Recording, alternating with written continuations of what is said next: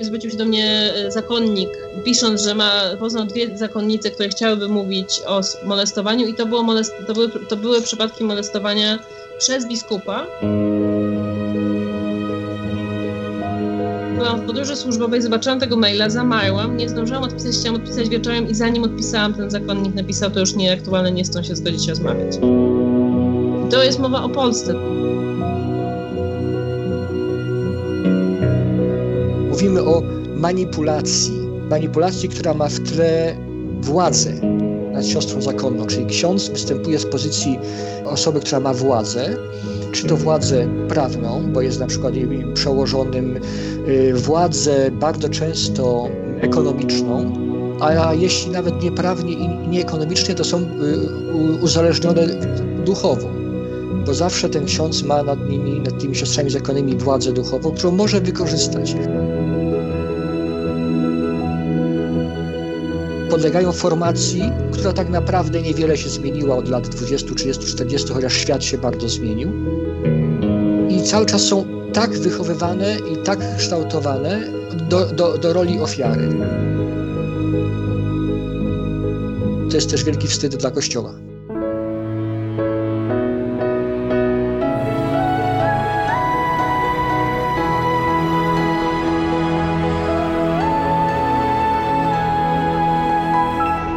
Podcast powszechny. Weź, słuchaj. To jest podcast powszechny przy mikrofonie Michał Kuźmiński, a dzisiaj gośćmi podcastu powszechnego są Zuzanna Radzik, teolożka, publicystka, autorka książek o y, kobietach w kościele, y, felietonistka Tygodnika Powszechnego, wiceprezeska Fundacji Forum Dialogu zdalnie z Warszawy. Dzień dobry Zuzo. Dzień dobry, witam i dziennikarz Tygodnika Powszechnego, watykanista tygodnika, fotoedytor tygodnika, człowiek tysiąca talentów, Edward Augustyn. Dzień dobry, Edwardzie.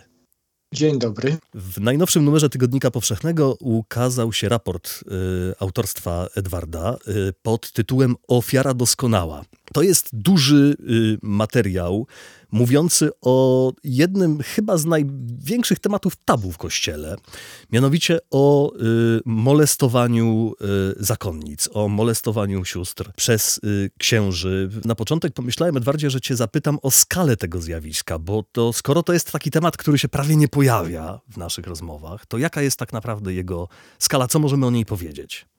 No to jest pierwszy problem, z którym się musiałem zderzyć, że ta skala jest tak naprawdę nieznana. Pisząc, przy, zbierając materiały do, do, do, do tego tekstu, tak naprawdę odbijałem się od muru milczenia i, i troszkę ignorowania tego tematu, zniechęcania mnie na zasadzie, a przecież to nic nowego, a przecież to już od, od, od dawna o tym wiadomo, a jaka to sensacja.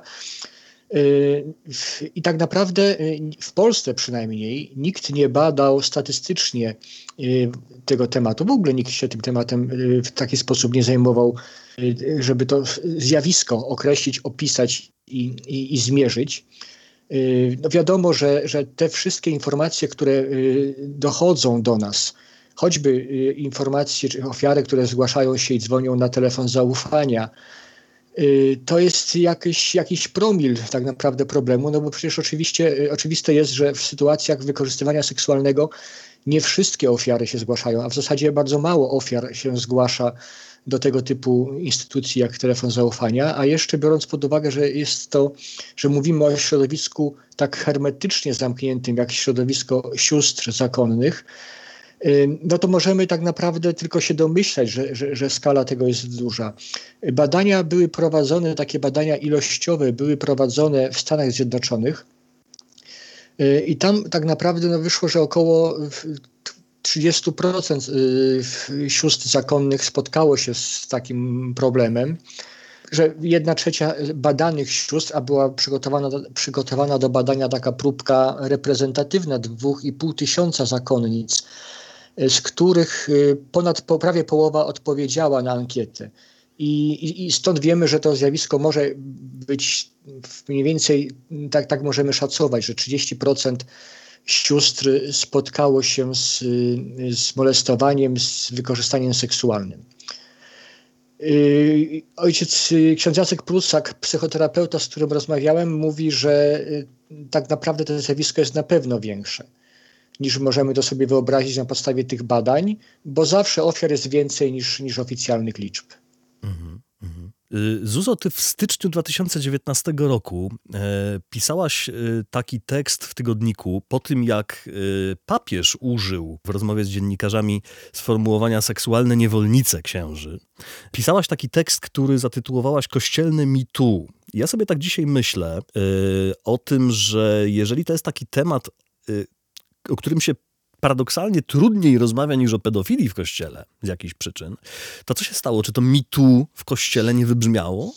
To był taki moment wtedy, w tym 2019 roku, kiedy y, temat po raz pierwszy chyba uderzył z całą siłą, chyba że się mylę. Jeżeli, no to, ten temat zakonnic, ja przyznam, że podjęłam nie dlatego, że papież. To znaczy papież, y, wypowiedź papieża na, w samolocie była reakcją na na to, że Don Chiesamondo, dodatek do, um, miesięczny do Osservatore Romano, napisał wtedy w styczniu o właśnie molestowaniu zakonnic. Zresztą Edward o tym w swoim tekście wspomina, o tym numerze i o tym, że też y, niedługo później y, zespół został zdemisjonowany, czy też częściowo odszedł, ale w każdym razie zmieniono skład redakcji i one widzą jakiś związek z tym ale też y, przede wszystkim pisałam dlatego, że nie dużo wcześniej, w listopadzie bodaj, odbyła się konferencja, którą organizowało Voices of Faith, organizacja katoliczek, które zabiegają o większą rolę kobiet w kościele. I, I, to był właściwie główny impuls, bo ja bardzo uważnie wysłuchałam głosów na tej konferencji, e, głosów molestowanych zakonnic lub członkiń e, stowarzyszeń i ruchów religijnych. I to było wstrząsające, to co one opowiadały. Wstrząsające też było, jak, e, jak można być, to jeden z przykładów był taki, e, że dziewczyna, która, była molestowana w swoim ruchu religijnym, jako świecka członkini tego ruchu, potem pracowała w kongregacji do spraw świeckich, e, czy w Radzie do spraw świeckich, przepraszam, i, i, i, tam nie była w stanie z tej pozycji, będąc tak głęboko w, w, w Watykanie, nie była w stanie tej sprawy potem odpowiednio poruszyć, kiedy już zdecydowała, zdała sobie sprawę z tego, co się działo i, i musiała zrezygnować z pracy, zostało to na niej wymuszone. Nie wspomógł jej kardynał, który szefował wtedy tej, tej instytucji e, i e, i to, to, to, rzeczywiście to, to był mój główny impuls, znaczy usłyszenie tych historii i, e, i, i też ta, ta okazja, jaką stworzyło właśnie Y, ale, ale racja jest też taka, i to chyba była jedna z najbardziej poruszających rzeczy, które na tamtej konferencji e, Voices of Faith usłyszałam, to, zna, to znaczy głos jednej z kobiet, e, która powiedziała, gdyby wtedy 20 lat temu w, w, historii o afrykańskich zakonnicach mówiących, e, czy o raporcie o, o molestowaniu zakonnic w Afryce, gdyby ktoś realnie zareagował, to mówi ta dziewczyna, właściwie moja równolatka, to ja nie byłabym molestowana być może. Czy to być mhm. może mnie by nie zgwałcono. Czy gdyby ktoś podjął i powiedziała: Mam nadzieję, że za 20 lat jakaś kobieta nie powie tego samego. Znaczy, że zrobimy coś w międzyczasie.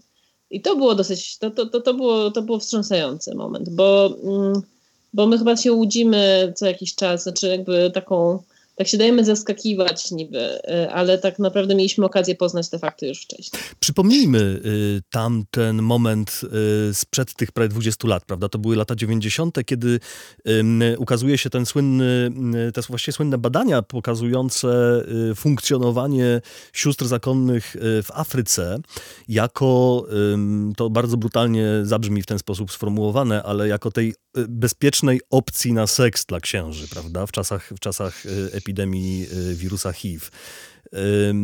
Jak to wtedy było? Co się okazało, co się stało? No i jak to wybrzmiało albo nie wybrzmiało?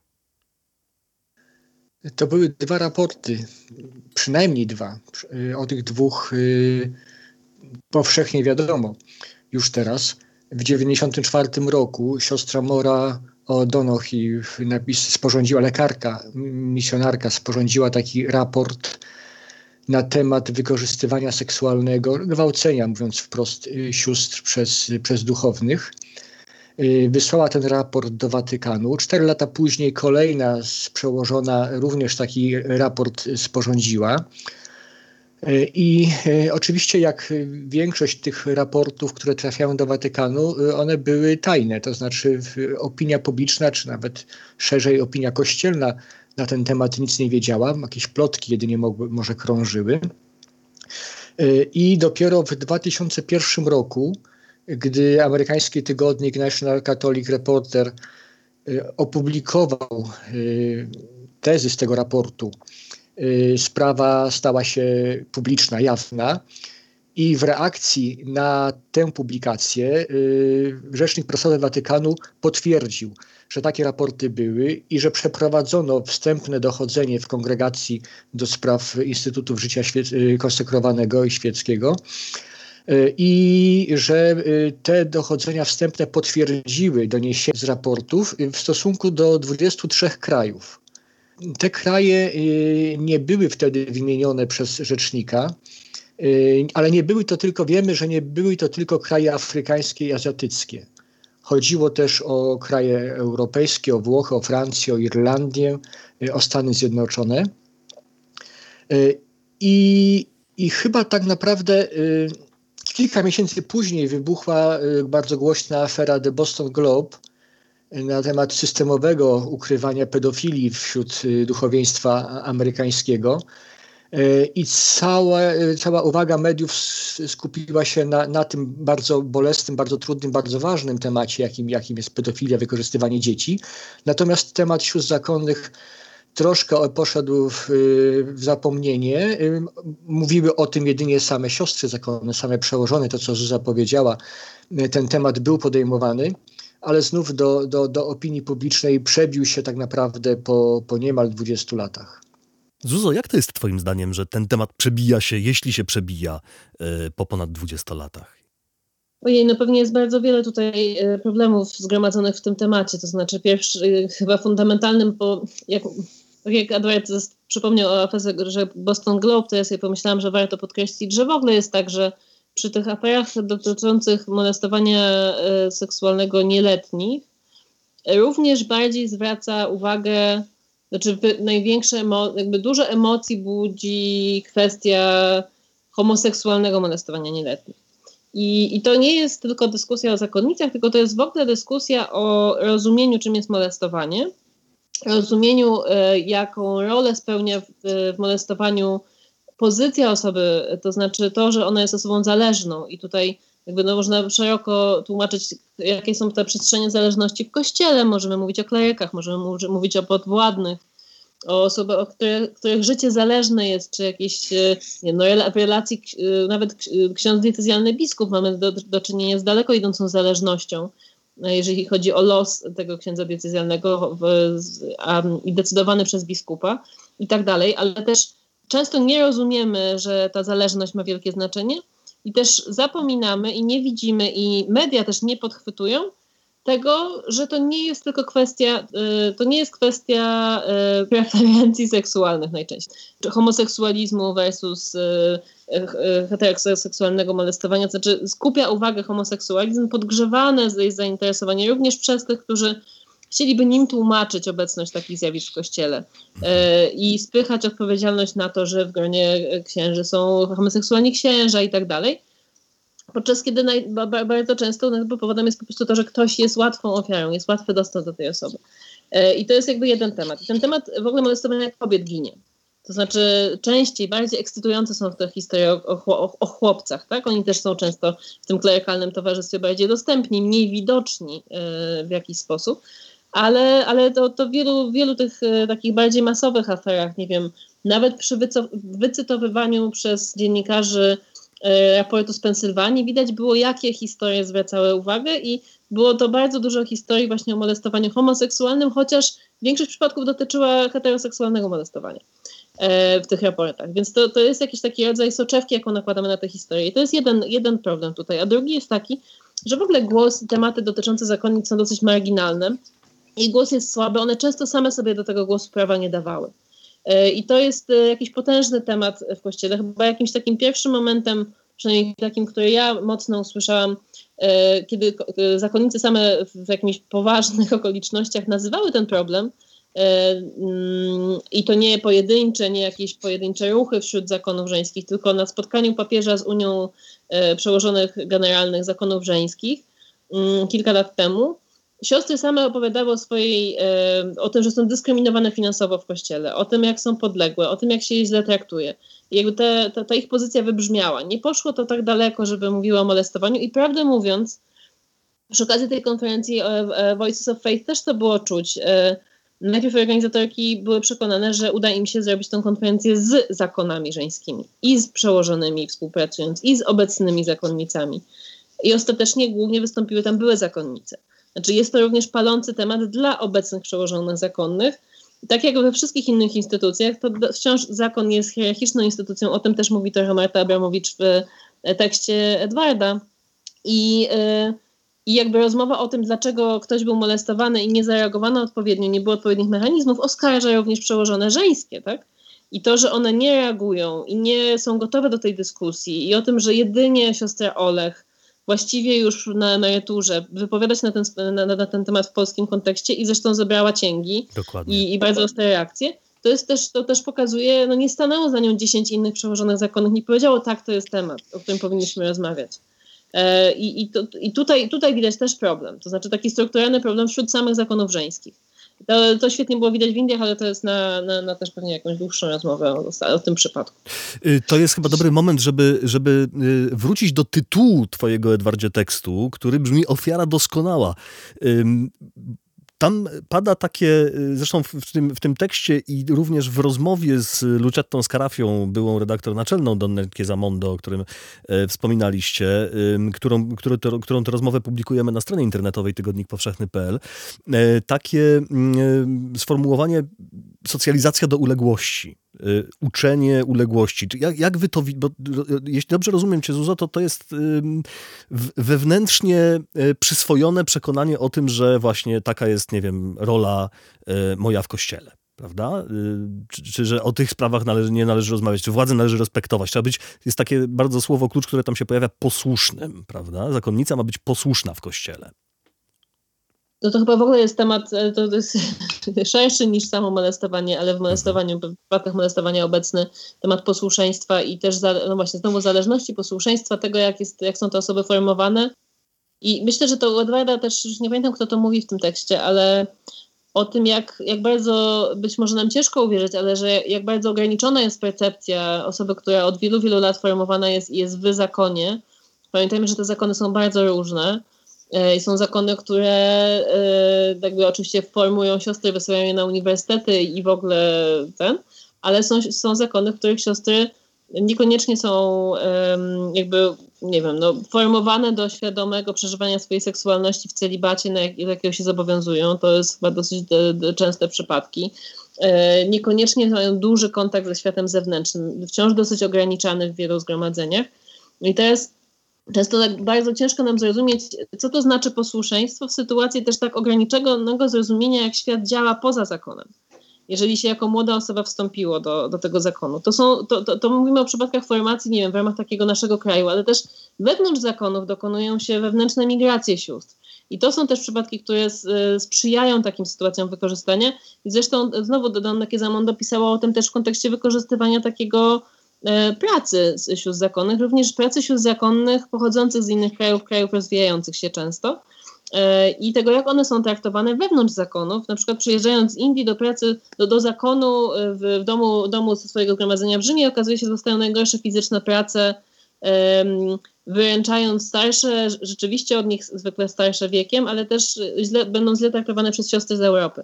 Także jest dużo różnych takich zjawisk związanych też jakby taka sytuacja siostry, nie wiem, z Indii z Afryki w obcym zupełnie kraju, w zakonie, w którym część starszych sióstr i przełożonych jest też z innych kultur, też potrafi być zupełnie inna niż nie wiem, siostry we własnym kraju, w którym ona jest w miarę świadoma tego, co się z nią dzieje, jakie są mechanizmy wokół niej w świecie.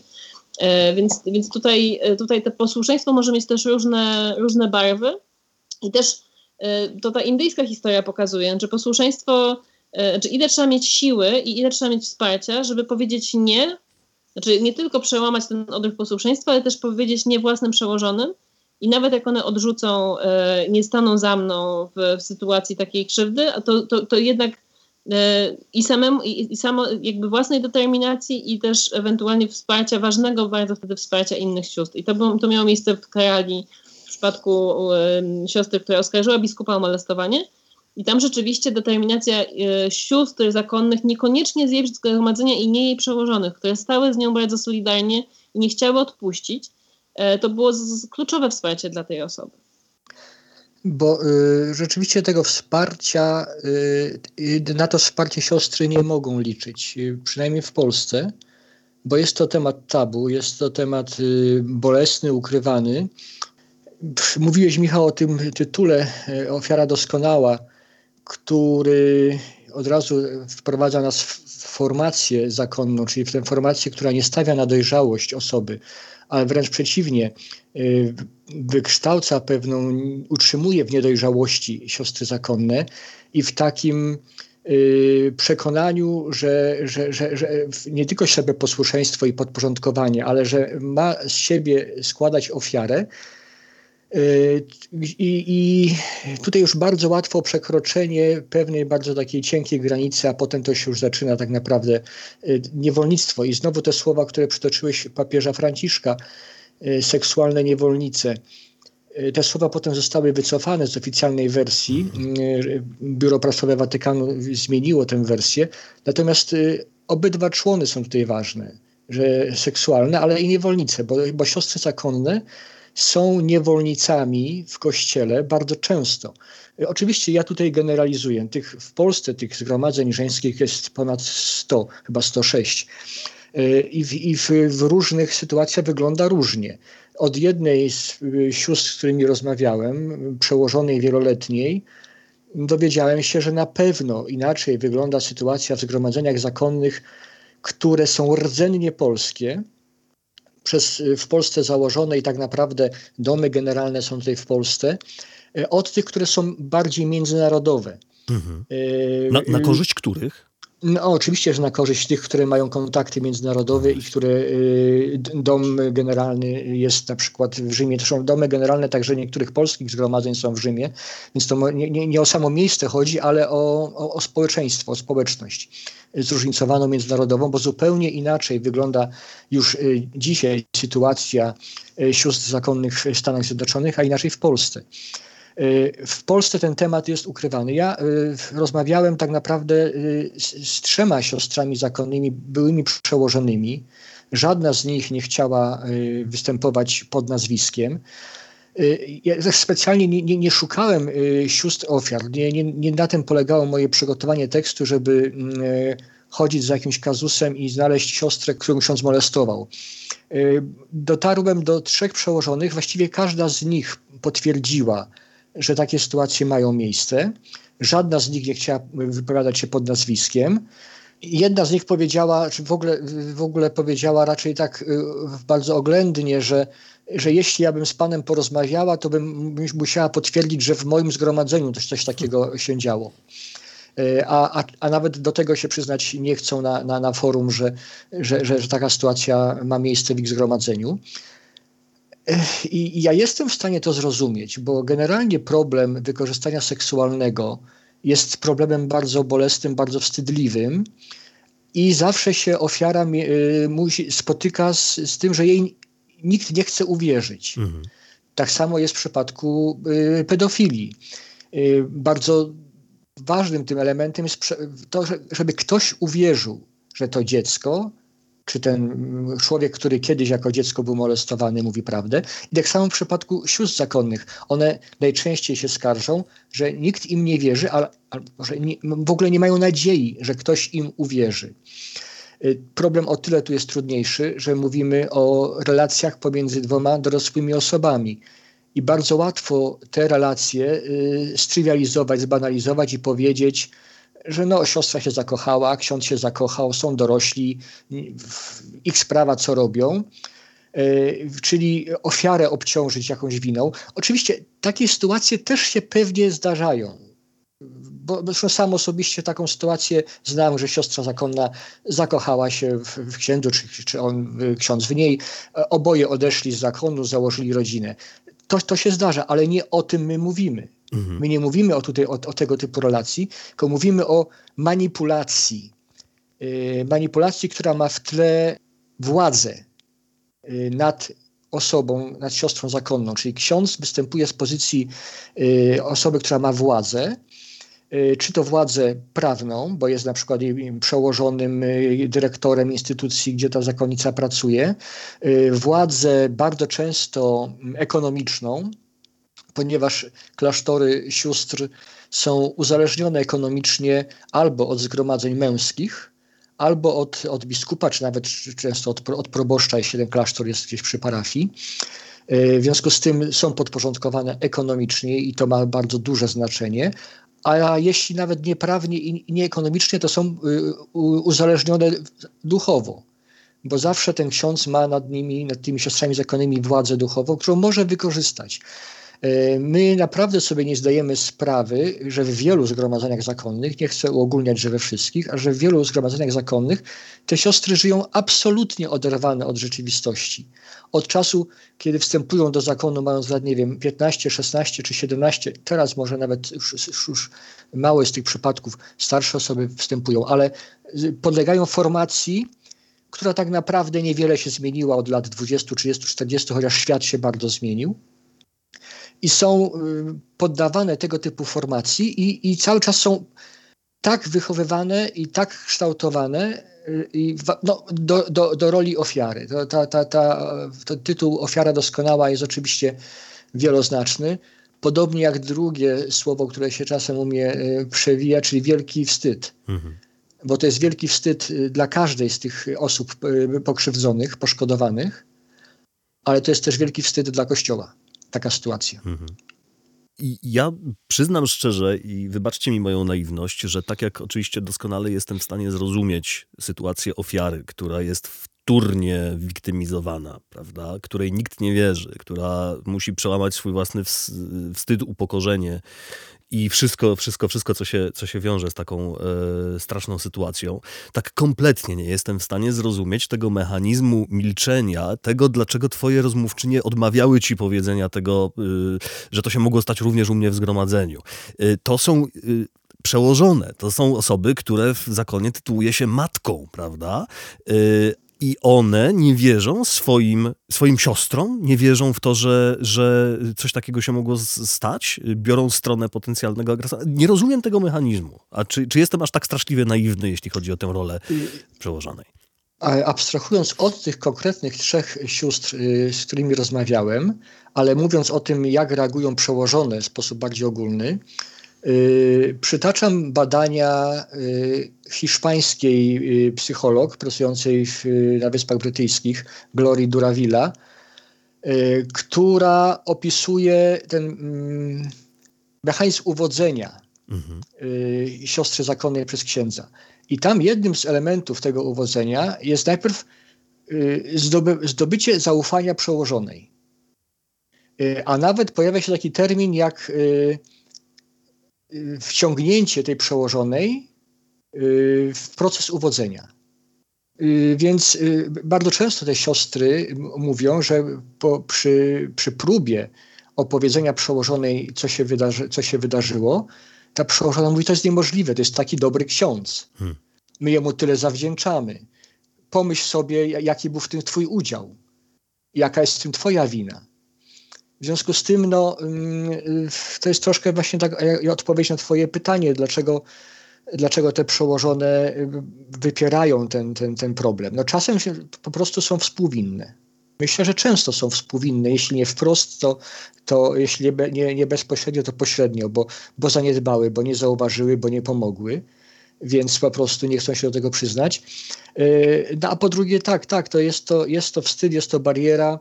Nawet były siostry, jak rozmawiałem z, y, z Bartą Abramowicz, y, która jest autorką książki Zakonnice odchodzą po cichu, to nawet były zakonnice, osoby, które odeszły z zakonu, bardzo niechętnie mówią o tego typu doświadczeniach, bo jakby, no, po prostu nie wiem, chcą to mieć może już jako etap zamknięty, nie chcą, nie chcą do tego wracać.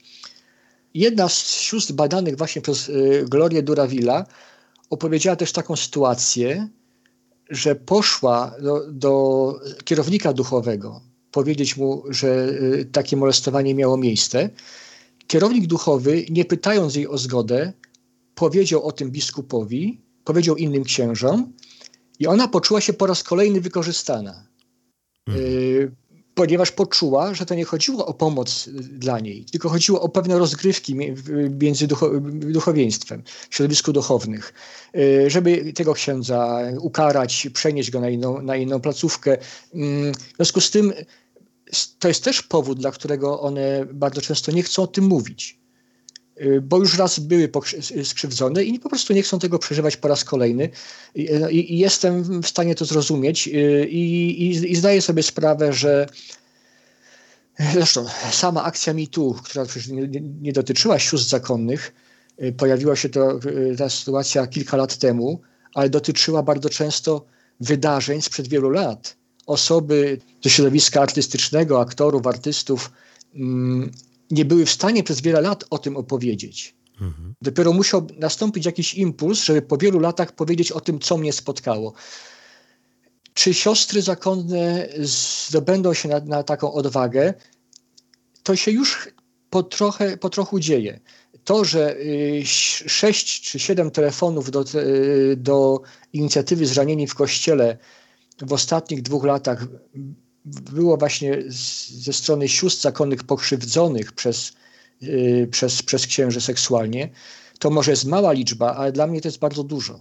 Czy ja y, dzwoniąc, rozmawiając y, z panią Katarzyną Sroczyńską, y, asystentką z inicjatywy Zranieni w Kościele, y, podejrzewałem, że nie będzie ani jednego takiego telefonu, że nie było takiego przypadku, żeby w Polsce siostra zakonna zadzwoniła z prośbą o pomoc i powiedziała tak, byłam wykorzystywana seksualnie przez księdza.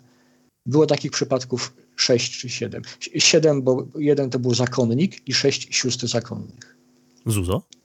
E, ja tak sobie myślałam, jak ty się, Michale, dziwiłeś, e, że to jest też w ogóle, abstrahując od molestowania, mm, to jest trochę opowieść o autozniewoleniu zakonów żeńskich. To znaczy, to jest to, to, to, że jest problem rozmowy z dziennikarzem na temat molestowania, to nie jest nic dziwnego w kontekście tego, że zakonnice i ich przełożone bardzo rzadko w ogóle chcą rozmawiać z dziennikarzami, nawet takimi jak my, reprezentującymi katolicki mm, tygodnik. Ja sama miałam takie problemy pisząc książkę o kobietach w kościele i nie udało mi się skłonić żadnej z sióstr o e, zabranie głosu pod nazwiskiem też. E, i skomentowanie, czy opowiedzenie, czy nawet skrytykowanie tych, nie wiem, jakichś moich pomysłów, czy, czy, czy, czy, czy sposobu myślenia. E, udało mi się na takie rozmowy um, umówić off the record, ale niestety i argument był taki, no, że siostry właśnie, każda z sióstr, nawet jak była przełożona, to mówiła, nie, bo musiałabym mieć zgodę przełożonej. Jak ja mówię, ale ty masz, jesteś przełożoną, to mówi tak, ale też mam dalej swoje przełożone wyżej. E, I jak się wyrażałam swoje zdziwienie, to słyszałam, że może dlatego E, za komuny nie zinfiltrowano tak środowisk zakonów żeńskich jak męskich, ale jakby to żadna chwała, minęło 30 lat. Więc jakby tutaj jest jakiś ważny temat, myślę, i to nie na dzisiaj, ale ważny temat o tym, e, jaki, jaką przestrzeń wolności i też zainteresowania światem zewnętrznym, ale też gotowości do rozmowy na swój temat ze światem zewnętrznym i ze sobą samymi mają zakony żeńskie, bo ja mam tutaj wrażenie dużej podwójności, to znaczy tego, co usłyszałam od e, znajomych zakonnic w, w, w prywatnych rozmowach i to, że nigdy nie jestem w stanie tego e, o, to, o taki rodzaj głosu poprosić się publicznie, ani jako dziennikarka, ani w żadnej innej sytuacji. W zasadzie to jest takie szeptanie na boku. Jest w tym coś istotnego, to znaczy w tych, w tych wszystkich odmowach jest coś istotnego, takiej, takiej sekretności i założeniu, że to są nasze sprawy. I tutaj takie, taka ta sekretność i poczucie, że to są nasze wewnętrzne sprawy, też sprzyja kryciu sprawców i w ogóle kryciu takich sytuacji. A co do też e, tych statystyk z, z, z, z inicjatywy Zranieni w Kościele, ja może nie jestem zdziwiona, bo jestem zaprzyjaźniona z wieloma osobami, które są związane z tą inicjatywą, więc tak jakoś na bieżąco śledzę, ale, mm, ale też miałam taką sytuację, w której zwrócił się do mnie e, zakonnik, pisząc, że ma, poznał dwie zakonnice, które chciałyby mówić o molestowaniu i to, było molest, to, były, to były przypadki molestowania y, y, przez biskupa, u którego one y, pracowały w sekretariacie.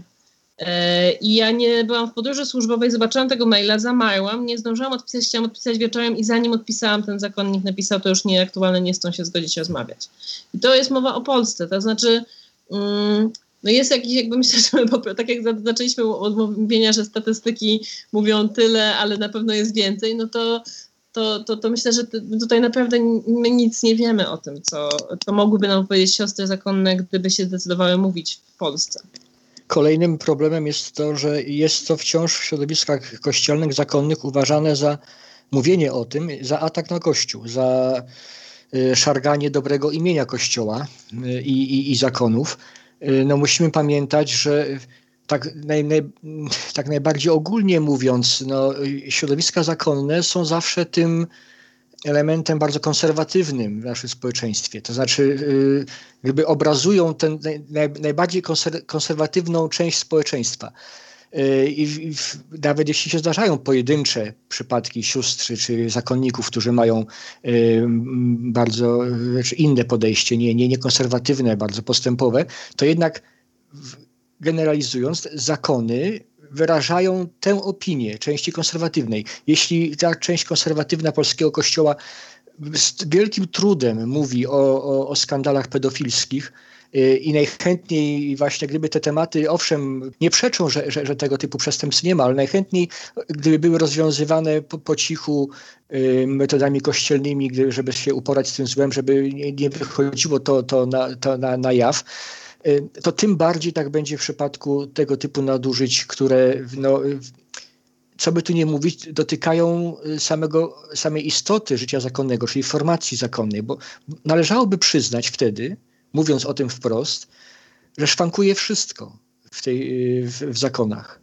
Od formacji poprzez szacunek dla człowieka, poprzez godność, uznanie tej godności tej, tej osoby, poprzez przełożeństwo, czyli w ogóle sposób sprawowania władzy w zakonie i, i system przełożeństwa. Tak naprawdę wszystko i wszystko należałoby e, poddać głębokiej reformie. Hmm mówicie o tym, jak bardzo ten problem jest zakorzeniony w samej formacji, w, samym, w samych zakonach, ale też myślę o tym, gdzie można by było zacząć jakąś drogę do zmiany, jakąś drogę do otwarcia tego tematu, tak jak otworzył się w pewnym momencie temat pedofilii w kościele. Y, tutaj bardzo y, ważna była chyba inicjatywa idąca z góry, prawda? Czyli jakieś bardzo konsekwentne, konkretne regulacje Watykanu, które rozbijały te struktury, struktury zatajeń, prawda? Które, które przełamywały to poczucie, że tutaj dla dobra instytucji nie możemy o pewnych rzeczach rozmawiać, y, no bez zwracania uwagi, że instytucja gnijąca od środka to nie jest instytucja, o, o, o której dobru w ogóle można mówić, prawda? Czy, czy uważacie, że, że tutaj y, jak, jakimś punktem otwarcia byłoby analogiczne y, uruchomienie jakichś mocnych działań idących z góry? Ja się od razu wyrwę do odpowiedzi i nie zgodzę się z tą wypowiedzią, którą przytaczam w swoim tekście pani profesor Scarafili, że ten impuls powinien przyjść od papieża i że mm, pierwszy krok powinien zrobić papież. Y, nie, nie wiem, czy pierwszy, czy nie pierwszy. Znaczy, myślę, że powinniśmy wszyscy zacząć od poszczególnych konkretnych osób, od ofiar bo y, zanim zreformujemy zakony, zanim zreformujemy Kościół, zanim zreformujemy prawa, to tak naprawdę trzeba by było pomóc tym konkretnym osobom, które cierpią w, w zakonach. I tu jest ogromny problem, ponieważ y, na samym początku naszej rozmowy Zuza właśnie o tym powiedziała, że taki cel jej przyświecał Y, czy któraś tam z jej rozmówczym powiedziała, że, że gdyby o tym dyskusja była już 20 lat temu, to może ona by nie, nie, została skrzywdzona. Y, ja gdy chciałem przekonać moje rozmówczynie do tego, żeby się wypowiedziały pod nazwiskiem, albo nawet anonimowo, ale żeby powiedziały więcej, podały więcej szczegółów, i przekonywałem je w ten sposób, że być może uratujemy kogoś, jakąś siostrę, że być może nie dojdzie, do, nie, nie będzie kolejnej ofiary to od y, siostry, którą bardzo cenię i szanuję, bo ją osobiście znam, usłyszałem, ale te ofiary były od dwóch tysięcy lat w kościele i dalej będą. Y, I to było dla mnie y, przerażające. Znaczy, ja rozumiem ten jej realizm. Po prostu zna to środowisko i wie, że zła w kościele się nie wyeliminuje i żaden papież nie, nie wyeliminuje zła w kościele i żadna reforma nie eliminuje zła, zła w człowieku, bo, bo, bo to się do tego będzie sprowadzało. Ale chyba y, należałoby zacząć od tego, bo, bo wracam do Twojego pytania, od czego zacząć. Od tego, żeby usłyszeć poszczególne historie, choćby tych siedmiu, które się odważyły w Polsce osób, y, i im pomóc. Y, ponieważ wszystkie inne wtedy nabiorą być może więcej odwagi, ufności w to, że jest jakakolwiek szansa, jakakolwiek nadzieja, że ktoś się ich losem interesuje, że, że, że, że mogą od kogoś otrzymać pomoc. Więc taki telefon zaufania, ta inicjatywa Zranieni w Kościele jest niesamowicie ważna i niesamowicie wielką, wielką rolę może odegrać. Tego typu instytucje powinny być stworzone, y, zorganizowane, żeby y, siostra zakonna, czy brat zakonny, czy każda osoba pokrzywdzona mogła zadzwonić i powiedzieć, poprosić o pomoc, mówiąc krótko. Ja, ja bym dodała, to nie jest jakaś specjalistyczna wiedza psychologiczna, ale to jest coś, co też, e, też powiedziała wspomniana przeze mnie Doris Wagner o, swoim doświadczeniu, to znaczy o tym mechanizmie mitu, który tak wielu osobom pomaga, to znaczy, że w tłumie jest łatwiej powiedzieć, albo słysząc czyjeś świadectwo, łatwiej jest nazwać swoje doświadczenie, to też znają y, wszyscy, którzy jakby, no właśnie, jest, są takie fale mm, wracania wspomnień i, i, i, i, i pojawiania się spraw e, przypomnianych sobie przez ofiary, bodźcowane przez głośne historie, które się pojawiają w mediach, czy filmy, znaczy, że to, to jest jakiś katalizator to przypomnienia sobie z własnego doświadczenia, ale też po prostu E, Doris Wagner wręcz mówiła o tym, że ona miała poczucie, że no tylko jej się mogło to przetrafić. To znaczy, to, to jest wtedy to takie właśnie podwójne, jakby własne biczowanie się i stawanie się ofiarą własnych oskarżeń. E, I ona nie miała, nie miała pojęcia, że ktoś jeszcze jest taki, komu się to przydarzyło. I usłyszenie innych osób, e, ona mówiła, było bardzo ważne. To znaczy, dlatego się też dzieli tym swoim świadectwem, bo, bo ma poczucie, że to może dla kogoś, komuś powiedzieć znaczy pozwolić powiedzieć sobie, to nie jest moja wina, to nie ja to spowodowałam, nie jestem jedyną osobą, której się to przytrafiło, a to wyprowadza z izolacji, w której często um, osoby, które doświadczyły molestowania tkwią i pozwala te, jakby znaleźć język w języku, którego osoba, inna osoba używa na nazwanie własnych doświadczeń i, i, i poczucie, że, że, że to są uprawnione uczucia, że to jest uprawniony bunt, że, że to jest uprawnione poczucie krzywdy. Więc y, jak, w jakimś sensie obecność, to co, to, co też Edward powiedział, skupienie na ofiarach i dopuszczenie, jakby usłyszenie ich historii, to co się działo też w przypadku um, takich spotkań, bo pamiętam, że w Krakowie było takie spotkanie, w którym ofiary molestowania w kościele mówiły swoje świadectwa, czy też czytano ich świadectwa. I, I jakby zrobienie miejsca we wspólnocie Kościoła na usłyszenie tych opowieści, nagłaśnianie ich przez dziennikarzy. No ale tutaj rzeczywiście, e, jak już mówię, nagłaśnianie przez dziennikarzy, no to widzę na przykład słabość mediów katolickich pod tym względem, bo wyobrażam sobie ten mechanizm, o którym już wspominaliśmy, że tak bardzo trudno jest wielu mediom katolickim pokazywać zło we wspólnocie Kościoła. I to i, jakby stanąć za ofiarą, i stanąć za tym innym członkiem kościoła, nie sprawcą, nie, nie systemem, ale stanąć za ofiarą i powiedzieć, stoimy solidarnie z tą osobą, a nie z tym, z tym który sprawił jej cierpienie. O tym trzeba mówić, o tym trzeba pisać. I taki może troszeczkę optymizmu na sam koniec. Dzisiaj napisała do mnie jedna z moich rozmówczyń, która się nie, nie pojawia w tekście bo wcześniej powiedziała mi, no wie, wie, pan, ale pan co napisze w tygodniku powszechnym, a w klasztorach tygodnik powszechny nie jest czytany. E, I dzisiaj do mnie napisała, czy mógłbym jej przesłać e, PDF z tego artykułu, bo ona ten artykuł przeczytała, kupiła tygodnik powszechny i przeczytała. Czy mógłbym jej przesłać PDF, bo chciała rozesłać e, do kilku osób, które mogą być zainteresowane. Hmm. Oczywiście przesłałem. Ten tekst y, mogą Państwo przeczytać w najnowszym numerze Tygodnika Powszechnego. Jest też on dostępny na stronie tygodnikpowszechny.pl. Y, jest również dostępny w aplikacji audioteka.pl w naszym nowym, naszej nowej serii y, Tygodnik na ucho, która jest wyborem tekstów z, z kolejnych numerów tygodnika czytanych dla Państwa przez, przez świetnych lektorów. Teksty, o których mówiliśmy, artykuły ZUZ na temat owego właśnie kościelnego Czarnego Mitu. Znajdziecie Państwo linki do nich również na stronie podcastu tygodnikpowszechny.pl podcast. A ja chciałbym jeszcze bardzo y, mocno powiedzieć o y, wspomnianej przez Was inicjatywie Zranieni w Kościele. Jej adres internetowy to www.zranieni.info, y, numer telefonu 800 280 900. Państwa i moimi gośćmi, gośćmi podcastu powszechnego y, byli Zuzanna Radzik, bardzo Ci dziękuję. Dziękuję. I Edward Augustyn, dziękuję Ci bardzo. Dzięki. Ja się nisko Państwu kłaniam. Do usłyszenia, Michał Kuźmiński.